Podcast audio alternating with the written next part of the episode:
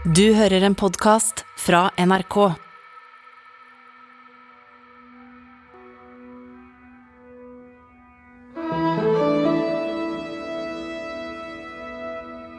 Det er en søndag i oktober i 2014. Rustam ligger på sjukehuset. Dagen i forveien hadde han stukket seg sjøl i magen med en kniv fra Ikea. En kniv han fant på kjøkkenet hjemme hos Leo, kameraten hans fra klassen på Teaterhøgskolen. Rustam er operert og sydd sammen igjen, og han har bedt sjukehuset om å ringe broren sin i Drammen, Nicolas Foss. Vi kommer inn til, til Ullevål og surrer oss nesten helt bort inn på labyrinten av et sykehus, men uh, kommer til slutt til avdelingen han ligger, og spør etter Rustam, og, og får da beskjed om at vi må vente litt, og så kommer han da etter hvert ut, da. Um, og da kommer han ut i en sånn sykehusslåbrok. Ja, vi så at han hadde et sånt svært plaster på hele magen. Um, sånne, sånne strømper oppover uh, Sånne kjempelange strømper som gikk opp til lårene.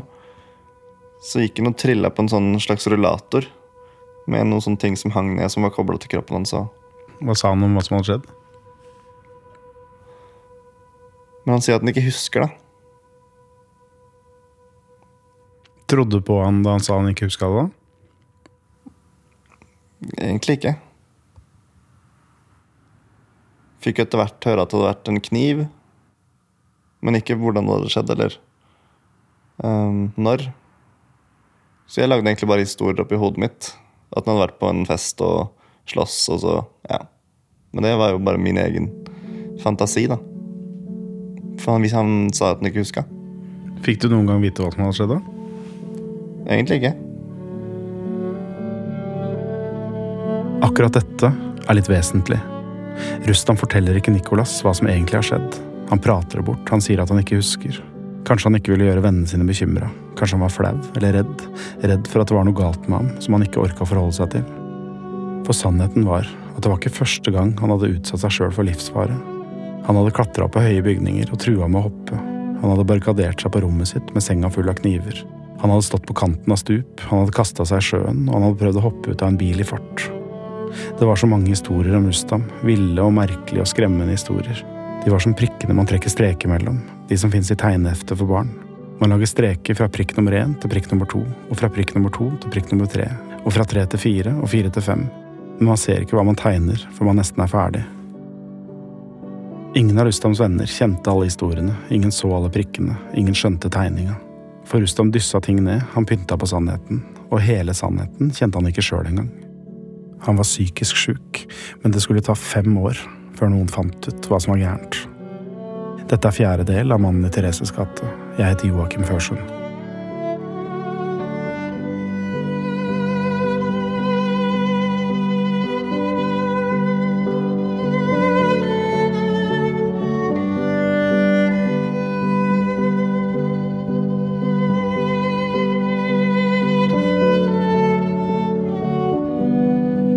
Søndagen etter Leos fest ble elevene i klassen til Rustam kalt inn til et møte.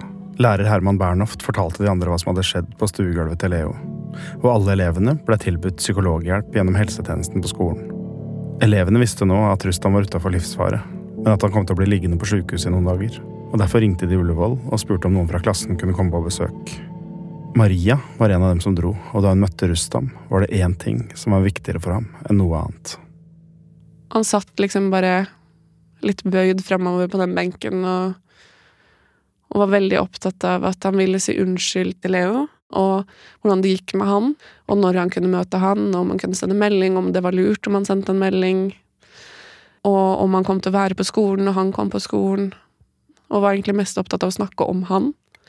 Spurte du om hvorfor han hadde gjort det? Ja, men det var ikke noe svar på det. Han var full, liksom. Han hadde tatt noe han ikke skulle tatt, og det var liksom ikke Han ville ikke dø. Det var ikke det. Og vi hadde også sittet sammen, vi syv, da, uten Rustam, og snakka om det, selvfølgelig.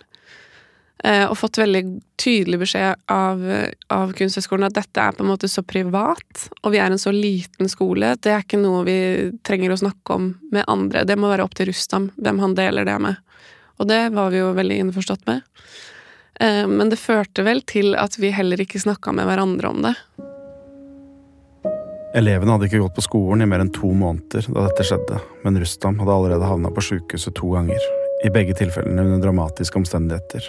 Og i tillegg hadde han barrikadert seg på en gård i Sverige med en kniv i senga fordi han var redd for onde ånder. De åtte elevene hadde begynt på skolen i en slags drømmeaktig lykkerus, men den rusen var borte, og ingen snakka noe særlig om det som var vanskelig heller. Og aller vanskeligst var forholdet mellom Rustam og Leo. I etterkant av hendelsen gikk på en måte alt det som hadde skjedd, veldig sånn i loop, da. Jeg bare skjønte ikke helt uh, hvorfor uh, det skjedde og at uh, det var skummelt og veldig ekkelt at uh, det kom så plutselig. At han bare hadde tatt seg inn der jeg bodde. Uh, og bare var der. Og så pakka jeg med meg noen ting, og så Så bodde jeg på andre adresser, egentlig, en periode det bare var litt sånn Kjentes voldsomt ut å være i, i leiligheten. Det bare kjentes ikke komfortabelt eller helt sånn trygt ut. Til slutt så kom jeg jo tilbake, og han sa unnskyld for det han hadde gjort. At det var dumt og sånn, men, men at han eh, var innstilt på å legge det bak seg. At det ikke skulle være noe som vi tok opp, da.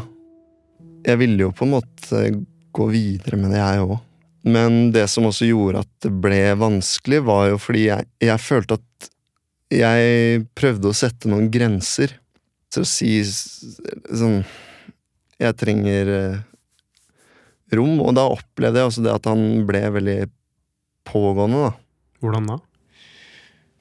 Han eh, fotfulgte meg rundt omkring. Fulgte etter meg. Eh, ville liksom alltid være veldig sånn i nærheten av meg. Eh, ville at vi skulle finne på ting på fritiden. Eh, ringte meg til alle døgnets tider. Til og med på julaften husker jeg han ringte. Sånn at det ble helt sånn uutholdelig nært.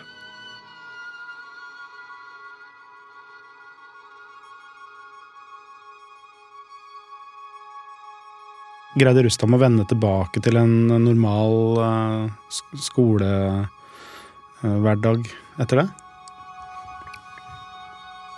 Vi prøver vel alle å, å, finne tilbake til noe normalt, og Rustam er jo på skolen hver dag og, og jobber veldig hardt og er alltid veldig forberedt og sitter mange timer og leser og øver og gjør alt han på en måte skal, da. Og kanskje mer enn flere av oss. Den første ordentlige forestillingen klassen skulle sette opp, var en julekabaret basert på klassiske barnebøker. Rustam ble tildelt rollen som den gale hattemakeren i Alice i Eventyrland. Han leste og leste og pugga og pugga, og da forestillinga nærma seg, begynte han å ringe til Nicolas. Vi husker vi måtte jo booke billett, da. For det var jo et visst antall um, som kunne komme. Så det var det veldig på. At vi måtte huske å, huske å booke billett. Det ringte nesten daglig om. Kanskje en uke strekk. Og så gjorde vi det, da. Og så var det jeg og pappa, kjæresten til pappa, storebroren min og kona hans. Og kommer inn, og, og Ja, det jo Det er jo så surrealistisk. Rustam på den scenen, liksom.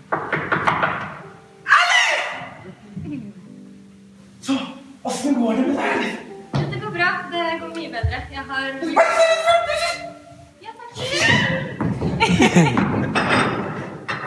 er fantastisk å ha deg her! Velkommen til premierefesten! Uh, bare høre stemmen hans sammen med andre skuespillere, det ja. Hvorfor er det så urealistisk? Jeg vet ikke. Det er bare fra å sitte på McDonald's på Bragernes torg til å stå på en scene og ha pugget et langt manus og kan det utenat. Og er så skråsikker på det han gjør, da. Og så flink i det også. Det er som en så stor kontrast fra å ikke klare et regnestykke på Drammen VGS til å huske utenat et kjempelangt stykke. Var han god, da? Veldig. Altså, han går så 100% inn i, i karakteren. Altså, jeg satt nesten der og lo, og lo litt. Hvorfor det? Nei, Det føltes ikke ut som han. Det føltes som en annen person som, som sto der og hadde det stykket. Og bare drømte seg helt bort. Etter forestillingen er ferdig, når teppet har gått ned, så, så forlater vi jo da eh, plassene våre og går ut mot et slags sånn venteområde. Um, der er det også masse andre foreldre og venner og, og bekjente av de andre skuespillerne. Vi i familien vi holder oss litt tett, står litt for oss selv, og da kommer plutselig Rustam ut av en dør. da. Og det ser ut som om det kommer en hel eh, en eksplosjon av eh, en, en lykkelig person ut av en dør. Nesten skriker bare og smiler og ler og Vil jo veldig Vil liksom ha en en tilbakemelding da, på hvordan vi syns det var. Og av hver og enkelt, da. Ja, fatter'n, hva syns du? Mutter'n, hva syns du? Brutter'n, hva syns du? Så det som virka så veldig, veldig stolt, da. Og vi, også, vi også, var også stolte av han, vi òg.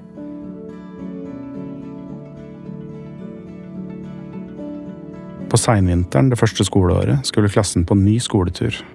Teaterhøgskolen samarbeider med en skole i den polske byen Wroclaw, og klassen reiste dit uten at noen av lærerne fra Norge var med. Rustam skal jo fly for første gang i sitt liv. Er jo kjempestressa. Jeg husker jeg satt ved siden av han på flyet. Han satt helt innerst ved vinduet. Jeg sitter i midten. Jeg tror han ba hele veien opp. Eh, og hadde liksom bare eh, angst på et eller annet vis, og var livredd. Eh, men i det, fordi jeg hadde fortalt han at når setebeltet går av, så kan du være trygg på at ingenting kommer til å skje. Det er liksom tegnet fra piloten på at nå er alt bra, og du kan til og med gå på do. Så idet det plinger i setebeltet, så blir jo han veldig letta. Eh, reiser seg opp, bestiller vodkashots. Vi tok alle noen vodkashots for å feire at Rustam var i lufta. Men han er jo egentlig mest opptatt av de andre passasjerene. Han går mye rundt i midtgangen og blir venner med folk. Eh, når vi skal lande, så må på en måte kabinpersonalet liksom fysisk si sånn Nå må du sette deg, liksom. For han var jo med, Og da tror jeg han satt et annet sted. Jeg tror ikke han gikk tilbake til setet sitt. Han satt med noen nye folk han hadde møtt på flyet. Eh, vi lander på flyplassen. Der møter jo en polsk eh, eh, veileder oss, som skal ha ansvaret for vår klasse. Eh, og vi litt fulle, litt flaue for at vi hadde drukket vodka når vi egentlig er på skoletur, eh, møter hun, og skal jo da bli satt i en buss til hotellet vi skulle bo på. Hvor Rustam plutselig sier sånn Nei, men jeg skal ikke være med dit, for jeg blir henta av en kompis. og vi tenker sånn Ok, ja, for han skulle ut til han. Hvor han kjenner en fyr fra Drammen som nå eh, spiller fotball i Posten, han. Og han hadde avtalt med han, det har han jo ikke sagt til noen, men at han skulle hente han på flyplassen og bli med han. Og han gikk ikke så mye mer forklaring enn det, og vi går liksom ut og sier sånn, men du, du er klar over at vi skal på skolen i morgen, vi har jo et opplegg her. Ja, ja, nei, men det fiksa han. Setter seg, blir, kommer det opp en kjempefin bil, stopper utafor flyplassen, Russland bare går inn i bilen, og de kjører. Og vi står litt sånn eh, månebedottende igjen, og skjønner egentlig ikke hva som skjer. Men han har jo dratt med en bil, og vi setter oss på bussen, og dagen etterpå så kommer han jo da til dette hotellet vi bodde på. Han hadde ikke noe forklaring. Han gjorde veldig sånn merkelige, uortodokse ting som jeg tenker hadde vært helt fjernt for meg, da. Da skal vi være der en uke. Jeg tror han var med første dagen. Eh, og så drar han på byen den samme kvelden. Og kommer jo ikke hjem før klokka er sånn seks på morgenen. Og da er vi fire stykker som deler eh, en sånn leilighetshotell. Da er han veldig, veldig rusa, eh, vekker alle i leiligheten og sier at vi, skal, vi må prate sammen, eh, og ber oss komme inn i stua. Eh, og det er det jo ingen som vil, for klokka er seks på morgenen, og vi skal på en måte stå opp om to timer for å dra på skole. Men da fysisk drar han meg ut, liksom, av senga. og plasserer meg i en sofa, og vi alle må sitte der. Og da begynner han å rante, som bare er masse, en sånn ordstrøm.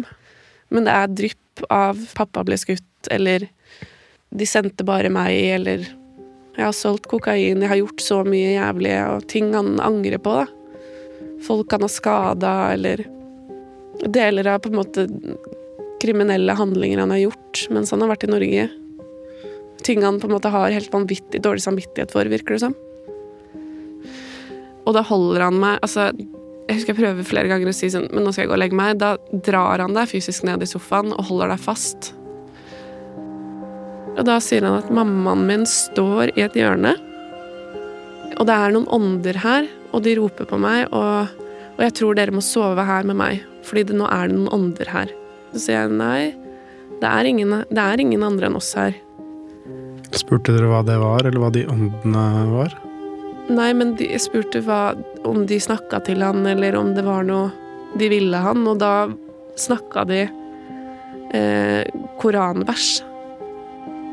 Eh, og han syntes det var utrolig ubehagelig, men han blir da veldig opptatt av at vi ikke kan sove på de soverommene, at vi må alle sove i stua. Hvordan kulminerte akkurat det der? Det ender med at eh, vi på et eller annet tidspunkt klarer å på en måte få han til å forstå at vi nå skal på skolen. Da er jo klokka blitt liksom halv ni. Så ringte jeg til Teaterhøgskolen og sa at eh, nå må dere hente han. Nå må dere kjøpe en flybillett til han hjem, liksom. Vi blir vekka midt på natta. Han er borte hele dagen, vi vet ikke hvor han er. Vi er bekymra. Han møter i hvert fall ikke opp. Eh, hvor skolen da var veldig tydelig på at det måtte vi fikse, bare. At her måtte vi ta kontroll og få han på skolen. Så da ender det vel med at han den siste dagen møter opp, og vi ish klarer å bli litt venner igjen, alle sammen. Teaterhøgskolen leide inn en gruppeterapeut den vinteren for å lette på den vanskelige situasjonen klassen til Rustam hadde havna i, og under et møte der alle elevene var til stede, tok Leo ordet. Det var eh, 10. april 2015. Hva skjedde da? Dagen før så hadde vi hatt en sånn gruppeterapisamtale. Eh, Hele klassen med en sånn terapeut slash lærer. Og jeg hadde gått ganske langt i den timen da, med å eh, åpne meg. da. Fortalte foran han og resten av klassen blant annet at, eh, at jeg slet liksom å stole på han. Eh, at jeg hadde opplevd han som truende. Også at jeg var redd for at han skulle skade meg, og at eh, jeg følte at jeg ikke kunne være på fest med han eller i, nærheten av han når han drikker og sånn, da. Så det hadde liksom sagt da i den timen eh, dagen før.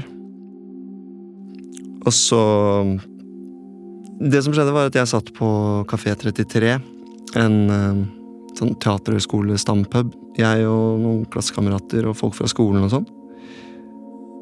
Og så plutselig så kommer eh, Rustam inn. Og så var han veldig glad, husker jeg. Han sånn stråler som en sol og er veldig sånn nesten euforisk. Og så kommer han bort, og så stopper han ved der jeg sitter.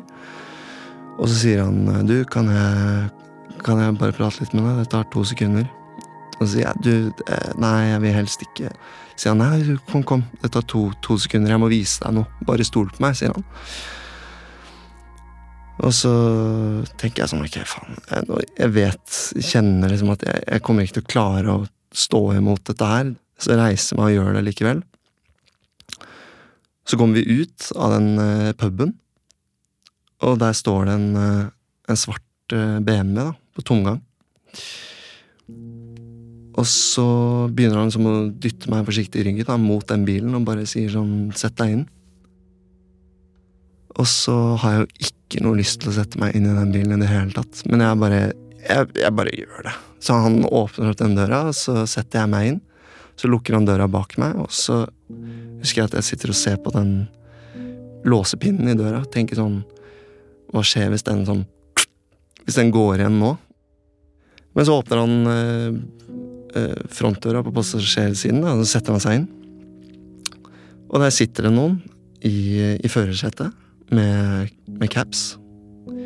Og Rustam sier til meg dette er sånn og sånn, Han eh, er en, tidligere medlem av miljøet, akkurat som meg. Vi er begge på utsiden nå, men vi kjenner hverandre og står hverandre nær. Eh, Jeg vil at du skal hilse på han. Og så sier han til han fyren at dette er Leo. Han er en kollega, en venn, en bror for meg. Vi er i familie. Og så skulle vi hilse på hverandre, da. Og så begynner Rustam å sånn, si da at ehm, Du, vi er Vi er sammen. Vi er for hverandre. Vi er brødre. Eh, fortell, fortell Leo hva, hva vi gjør med folk som fucker med oss. Så trekker han litt på skulderen, han eh, sjåføren, og så sier han bare Nei, da, da gjør vi det vi må, da. Og så gliser Rustam litt sånn, ja, litt sånn anerkjennende, ikke sant. Og så sier han snur han seg til meg og sier sånn Vi backer deg, vi har deg, liksom. Hvis det er noe, bare ring en av oss. Bare Du er good. Det var liksom Det var det, da. Så gikk vi hvert til vårt, og så gikk jeg inn igjen, og så kom jeg inn, og hun jeg satt med, spurte du, går det, går det bra? Så sa jeg ja, ja, det går, det går fint, jeg vil ikke snakke mer om det nå. Så tok jeg en øl til, eller noe sånt, og så gikk jeg hjem og la meg. Det er ikke så lett å vite hva Rustam ville da han dro Leo inn i den svarte bilen. Det kan hende det var et litt klønete forsøk på å forsone seg med Leo igjen. At det var to verdener som kolliderte der i den svarte BMW-en utafor Kafé 33. Og at det var sånn man ble venner i miljøet Rustam vanka i. Men i så fall virka det mot sin hensikt, for Leo blei usikker og redd. Det gikk jo så langt at eh, jeg tok med tak kontakt med skolen, og, og vi tok kontakt med politiet. Det ble rett og slett sånn at vi ikke kunne gå i, i klasse sammen lenger. Så det var litt sånn enten meg eller han, da. Og da Det var jo egentlig bare sånn at jeg måtte stå over et år. Det var det alternativet som eh, ble lagt fram for meg til slutt, da. Hvordan forholdt du deg til det? Det var jo ikke noe jeg hadde lyst til. Sånn umiddelbart kjentes det helt feil. Verken Leo eller Rustam ville gi fra seg plassen sin, selvfølgelig ville de ikke det. Leo fikk garantier fra skolen om at de to ikke kunne tvinges til å ha enkeltscener sammen når de satte opp nye forestillinger. Leo slutta å gå ut med de andre elevene, han ble hjemme når klassen dro på studietur. Han sletta Rustam fra sosiale medier, og sånn var situasjonen da andre klasse begynte. I hele livet har jeg arbeidet som vitenskapsmann. Og jeg er vant til å sitte i mitt bibliotek. Vant til det store auditorium. Til fremstående kollegaer. Dette er et opptak fra oktober i 2015, og stemmen du hører, er Rustams. Han spiller den gamle professoren Aleksandr Vladimirovitsj Serebriakov i Tsjekhovs skuespill Onkel Vanja, og han har starta det andre skoleåret med den samme optimismen som han starta det første. Men jeg Jeg vil leve. Jeg elsker suksess og berømmelse. Virak. Og her lever jeg som i forvisning. Hvert eneste øyeblikk lengter jeg tilbake til det som en gang var. Og selv bare frykter jeg for døden. Og jeg, jeg, jeg har ikke krefter til det. Jeg holder ikke ut.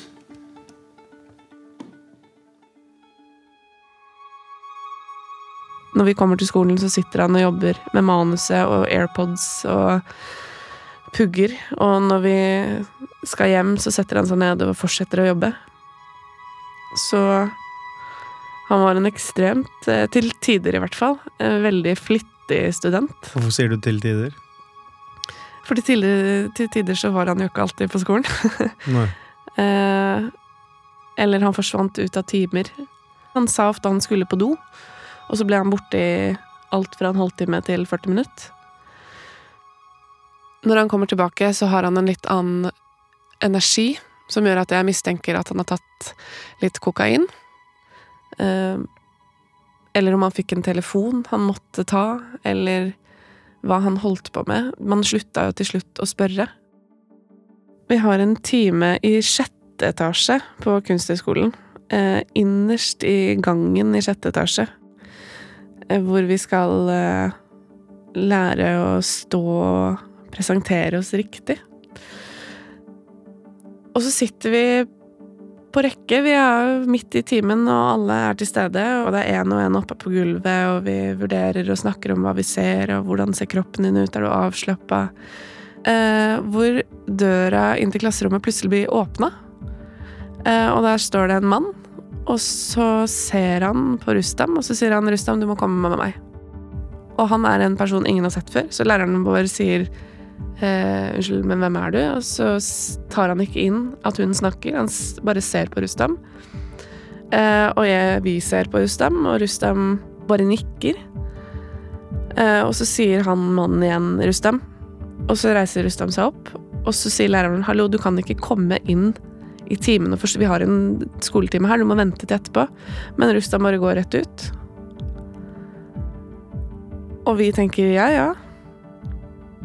Det var jo jævlig merkelig. Men hva skal man gjøre? Han er voksen. Han bestemmer jo sjøl om han skal være på skolen eller ikke. Eh, og timen må fortsette. Vi vil ha undervisning, så vi fortsetter timen. Uh, og så er timen slutt, og da er vi også ferdig for dagen, så vi går i garderobene. Uh, og etterpå så møter jeg da en annen i klassen som forteller at um, at de to satt da inne i guttegarderoben. Når da min klassekamerat går inn i garderoben, så forsvinner da denne mannen ut, eh, og at Rustam er veldig fortvila. Eh, og sier at eh, nå må han gjøre noe han ikke har lyst til. Det blei etter hvert vanskeligere for Rustam å henge med i undervisninga i andre klasse. Han hadde ett bein i sitt gamle miljø og ett bein i det nye. Han hadde komplikasjoner i magen etter episoden med kniven og måtte på sjukehus og operere. Og han måtte i retten for slåsskampen med politiet i Thereses gate. Fraværet hans økte, og han blei liggende bak medelevene sine. Og nå skulle han i gang med Shakespeare, sammen med læreren Herman Bernhoft.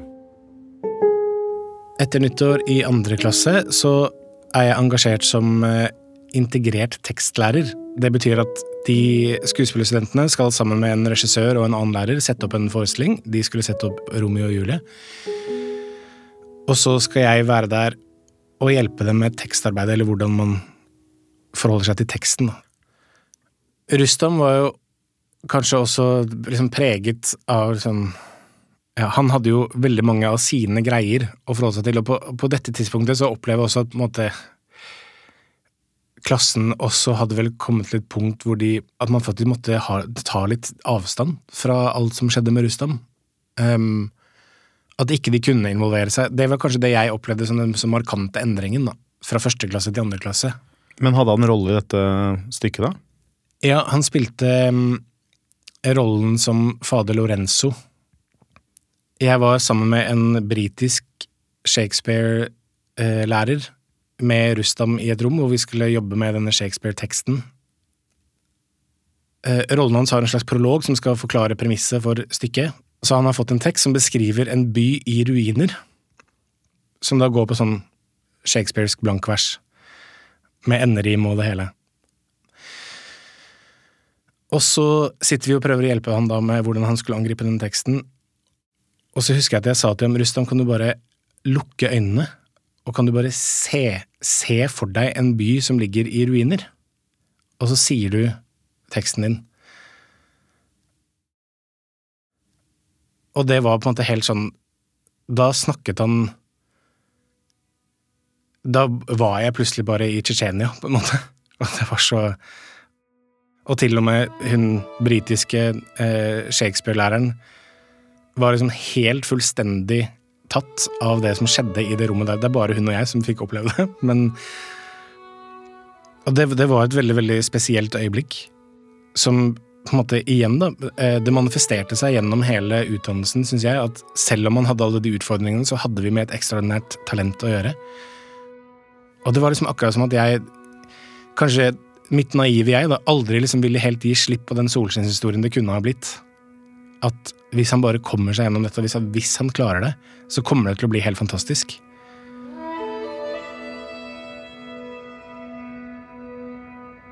Det var mange som delte den drømmen. Drømmen om at dette skulle bli en solskinnshistorie. Om flyktningen som kom til Norge fra krigen i Tsjetsjenia, som roter seg inn i kriminelle miljøer og får problemer med rus, men som likevel ikke går til grunne fordi kunsten redder ham, teateret redder ham, og alt det mørke han bærer på, det gjør ham til en ekstraordinær skuespiller. Men virkeligheten var ikke sånn. Det mørket, det førte egentlig bare til problemer. I mars i andre klasse må Rustam sone 21 dager i fengsel for slagsmålet med politiet i Thereses gate. Rustam får tre uker uten undervisning, og klassen får tre uker uten Rustam. Det skjer noe med vår klasse når han eh, må sone sin fengselsstraff i 2015. Den perioden han er borte, så er det som om hele rommet puster for første gang på halvannet år. Det er en helt annen atmosfære, og jeg tror vi kollektivt bare forsto at det dessverre handler om at han ikke er der. At eh, At vi har for første gang kanskje fullt fokus på å jobbe. Og at vi kan fungere bedre sammen uten han. Og det er jo kjempetrist. Så har vi et eh, prosjekt uten han, um, mens han soner. Eh, og når vi er ferdig med det, så skal vi i gang med Sommerteatret. Hvert år setter andreklassingene på Teaterhøgskolen opp sommerteater i Frognerparken. Selv om det er en årelang tradisjon, er oppsetninga egentlig ikke en del av det offisielle undervisningsopplegget, og studentene gjør alt sjøl, og aller først ansetter de en regissør. Vi skulle sette opp eh, Ruffen og Den flyvende hollender eh, med Nils Petter Mørland på regi. Eh, og vi har et møte med han eh, helt i starten. Og da møtes vi, og Rustam er for sein, og vi får ikke tak i han. Så vi bestemmer oss for å bare begynne det møtet, og så se om han dukker opp. Og jeg husker jeg hadde med hunden min på det møtet, eh, Embla. Eh, og hun eh, ligger under bordet og slapper av. og jeg vet ikke om det hadde gått en halvtime eller en time inn i møtet, så, så kommer Rustam inn i døra, veldig brått. Og jeg husker hunden min reiser seg opp og uler og bjeffer og bjeffer på han. Som var rart, fordi hun er egentlig veldig glad i Rustam. Og så skjønner man jo fort at grunnen til at hun gjør det, er fordi han er veldig rusa. Og han setter seg ned og, og er veldig stressa, veldig overvåken, veldig påvirka av, eh, av rus, og prater og prater og prater, og, og jeg ser at Nils Petter også tenker hvem i all verden er dette for en fyr, på en måte? Og hvordan skal dette bli? Vi blir kanskje litt flaue, i hvert fall blir jeg det. Prøver å få Rustam til å slutte å prate så mye om alt og ingenting, egentlig. Eh, og vi avslutter nok det møtet ganske fort, for vi skjønner at her her er det ikke noe vits i å fortsette. Det ble med det ene møtet. Rustam fikk ikke være med på sommerteatret. Elevene i klassen turte ikke. De kunne ikke gi en rolle i et barneteater til en student med ustabil atferd og rusproblemer. Og dessuten, sa skolen, så måtte Rustam ta igjen all undervisninga han hadde mista da han sona. Derfor ble Herman Bernhoft leid inn igjen, for å skrive og sette opp en egen forestilling med Rustam og en innleid profesjonell skuespiller. Og hvis Rustam greide å gjennomføre dette, ville han kunne fortsette på Teaterhøgskolen i tredje klasse sammen med resten av klassen. Kan du fortelle om den dagen forestillingen skulle være? Det skulle være to visninger. Den første dagen skulle være en klokka ett og en klokka seks, eller på kvelden. Så hadde vi avtalt å møtes ganske tidlig, fordi vi hadde behov for å gå gjennom hele forestillingen en gang før vi skulle ha første visning. På skolen? På skolen, ja. Og så husker jeg at jeg kommer inn i rommet, og der er motspilleren hans, som sier 'Har du truffet Rustam?' Og så sier jeg nei. Han virker veldig rusa. Han er ganske ute. Så kommer Rustam inn i rommet, tror jeg, og er eh, åpenbart den andre Rustam, som jeg etter hvert hadde begynt å kalle ham. Hvor han er utilgjengelig og ikke mulig å snakke til eller med. Og hele energien hans er helt annerledes. Det er ikke som utstrålingen til Rustam den, den bare forsvinner. Sier han noe om hva som er problemet? Han sier at han hadde snakket med moren sin på telefon. Han sa liksom Mariann, nei, det gjorde at det ble veldig vanskelig, så jeg har At han hadde begynt å drikke. Herman bestemmer seg for å avlyse den første forestillingen. Han ber Rustam om å gå og legge seg i et av rommene på skolen og sove ut rusen. Men Rustam går ikke og legger seg. Han forsvinner, og Herman blir bekymra. Han ringer Rustam, men Rustam svarer ikke. Klassekameratene som har kommet fra Frognerparken for å se Rustams forestilling, begynner å leite etter ham, og Herman ringer igjen og igjen. Ingen veit at Rustam har forlatt Teaterhøgskolen på baksida, at han har gått ut i parken ved Akerselva, opp den bratte bakken ved fossen og gått ned til elvebredden. Han står bare noen meter fra fossefallet når han til slutt bestemmer seg for å svare Herman. Og så får jeg tak i ham, og da hadde han en sånn bestemthet i stemmen og en helt sånn Nesten en slags positiv vibb, som var Herman, nå har jeg skjønt det. Jeg har skjønt hva jeg må gjøre. Jeg må bare hoppe. Og så prøver jeg jo på en måte å holde en samtale gående. Hvor befinner du deg da? Jeg går rundt skolen og prøver å, finne, prøver å se hvor han er, prøver å skjønne hvor han er. Ser veldig mye opp på taket. Tror jeg snakker med han i nesten nærmere tre kvarter, og så til slutt så klarer jeg å forhandle meg fram til at, uh, at For jeg sier sånn, men kan jeg liksom Kan jeg bare komme og snakke med deg? Så begynner han å varme litt opp for tanken, og så sier han hvis du, hvis du kan ta med en sigg, så kan du få komme. Eh, og så står jeg helt sånn frenetisk til noen ansatte og noen ambulansesjåfører rundt meg og var sånn En sigg, en sigg, en sigg! En lighter! Kom, faen, kom igjen, gi meg en lighter, da! Jeg var liksom helt sånn frenetisk og iskald når jeg snakka med Rustam. På baksiden av Kunsthøgskolen så går jo Akerselva, og eh, også med den store fossen som liksom ligger rett ved eller rett bak skolen, så er det et ganske stort fossefall. Um, og litt før det fossefallet så er det en, en måte rolig, relativt rolig elveleie, og over der en, en hvit bro. Og så får jeg øye på han. Han sitter under den broa, eller på en måte i den vinkelen der hvor liksom broa treffer bakken. Så ikke, han sitter ikke i vann, på en måte, han sitter på tørt land. Med broa som tak, da, og liksom sitter sånn delvis skjult under der. Han har ikke sko på beina. Har på seg jeans og T-skjorte. Jeg går under der og setter meg der sammen og prøver måtte bare å være der. Det er ikke noe smil, ikke noe liksom gjensynsglede, ikke noe sånn Det er bare helt, helt mørkt i han.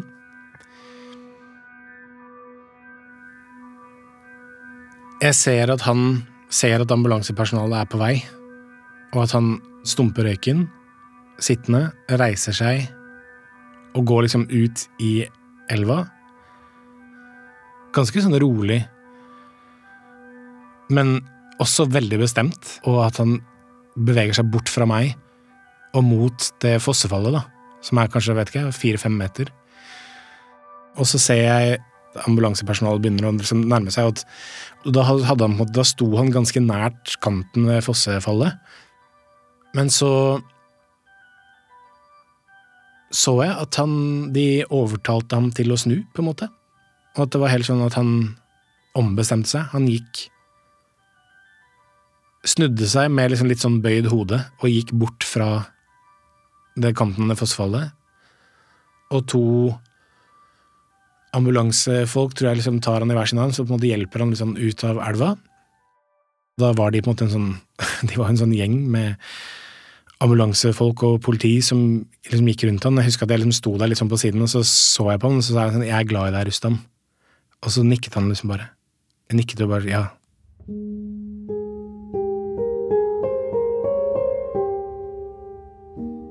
Sånn avslutta Rustam det andre året på Teaterhøgskolen, og etter at ambulansen hadde kjørt ham vekk fra fossen på Grünerløkka, samla klassen seg under en parasoll ved teltet i Frognerparken. Maria åpna en laptop og begynte å forfatte et brev til ledelsen på Kunsthøgskolen i Oslo. Etter den hendelsen så satte vi oss ned, vi syv, da, som jobba i Frognerparken den sommeren. Og så hadde jeg min eh, PC på fanget. Så vi bestemte oss for å faktisk bare skrive ned alt vi har opplevd. Også på fritiden. Som vi aldri hadde fortalt skolen. Eh, jeg tror alle for første gang også bare fikk si akkurat det de følte på, uten å tenke at man skulle såre noens følelser eller si noe feil. Eh, og vi kom etter en veldig, veldig lang og fin og vond prat fram til at vi Vi klarte ikke å forstå at vi skulle fullføre tredje klasse sånn som det var nå. Det var så utrolig mange opplevelser samla sett som var ganske skumle, vi hadde opplevd. Jeg tror det var dagen etter at vi, sitter på kontoret til rektor, og da var det vel bare oss, bare oss sju og han. Eh, men han sier nesten bare med en gang at eh, at den mailen har han tatt på høyeste alvor. Det her er helt uakseptabelt, og nå er dere ferdig. Dere skal ikke ha han inn i tredje klasse. Som var en så merkelig beskjed å få. Jeg tror jeg gikk rett i gråt. Eller sånn Hvorfor det? Det var alt. Det var to år med stress som slapp, på en måte. Plutselig så skjønner man at å ja, man trenger kanskje ikke å stå i dette. Noe som hadde blitt helt normalisert. Eh, og så er det en sorg over at noen man har blitt veldig glad i, på bokstavelig talt godt og vondt, nå bare fjernes fra denne gruppa. Uten at han veit det, og uten at han får gjort noe med det, og at vi i fellesskap har bare vendt han ryggen. Var det noen som hjalp Rustam, da? Han ville jo åpenbart ikke ha noe mer med oss å gjøre akkurat da. Um, jeg synes jo at vi hadde tatt et ekstremt umenneskelig valg på å fryse han ut. Og si at nå gidder vi ikke mer. Um, og kutta bånda ganske hardt. Og han står igjen alene i det. Så jeg vet ikke hvem han hadde da. Det der eh, medmenneskelige ansvaret som man også slapp i den prosessen, er vondt å tenke på. Plager det deg fortsatt? Eh, ja. ja, det gjør det.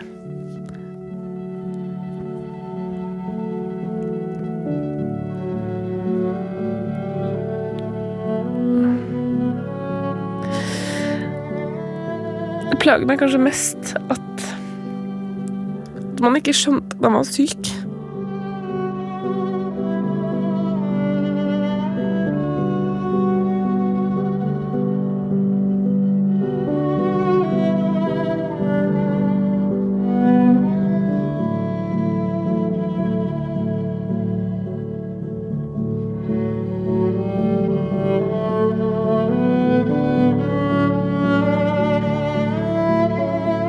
Dette var den fjerde delen av Mannen i Thereses gate, men før vi avslutter, vil dekanen ved Teaterhøgskolen, Victoria Meirik, knytte en kommentar til innholdet i podkasten.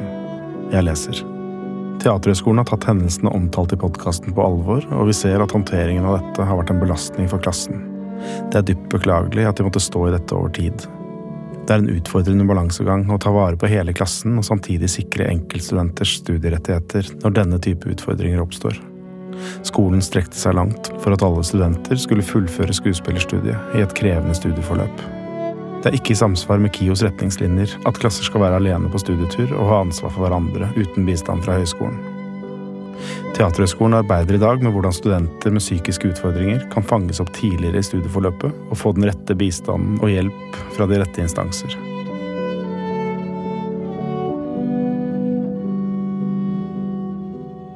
Denne podkasten er produsert av Gyldendal for NRK og er laga av Ragnhild Fangel Jamtveit og meg, Joakim Førsund.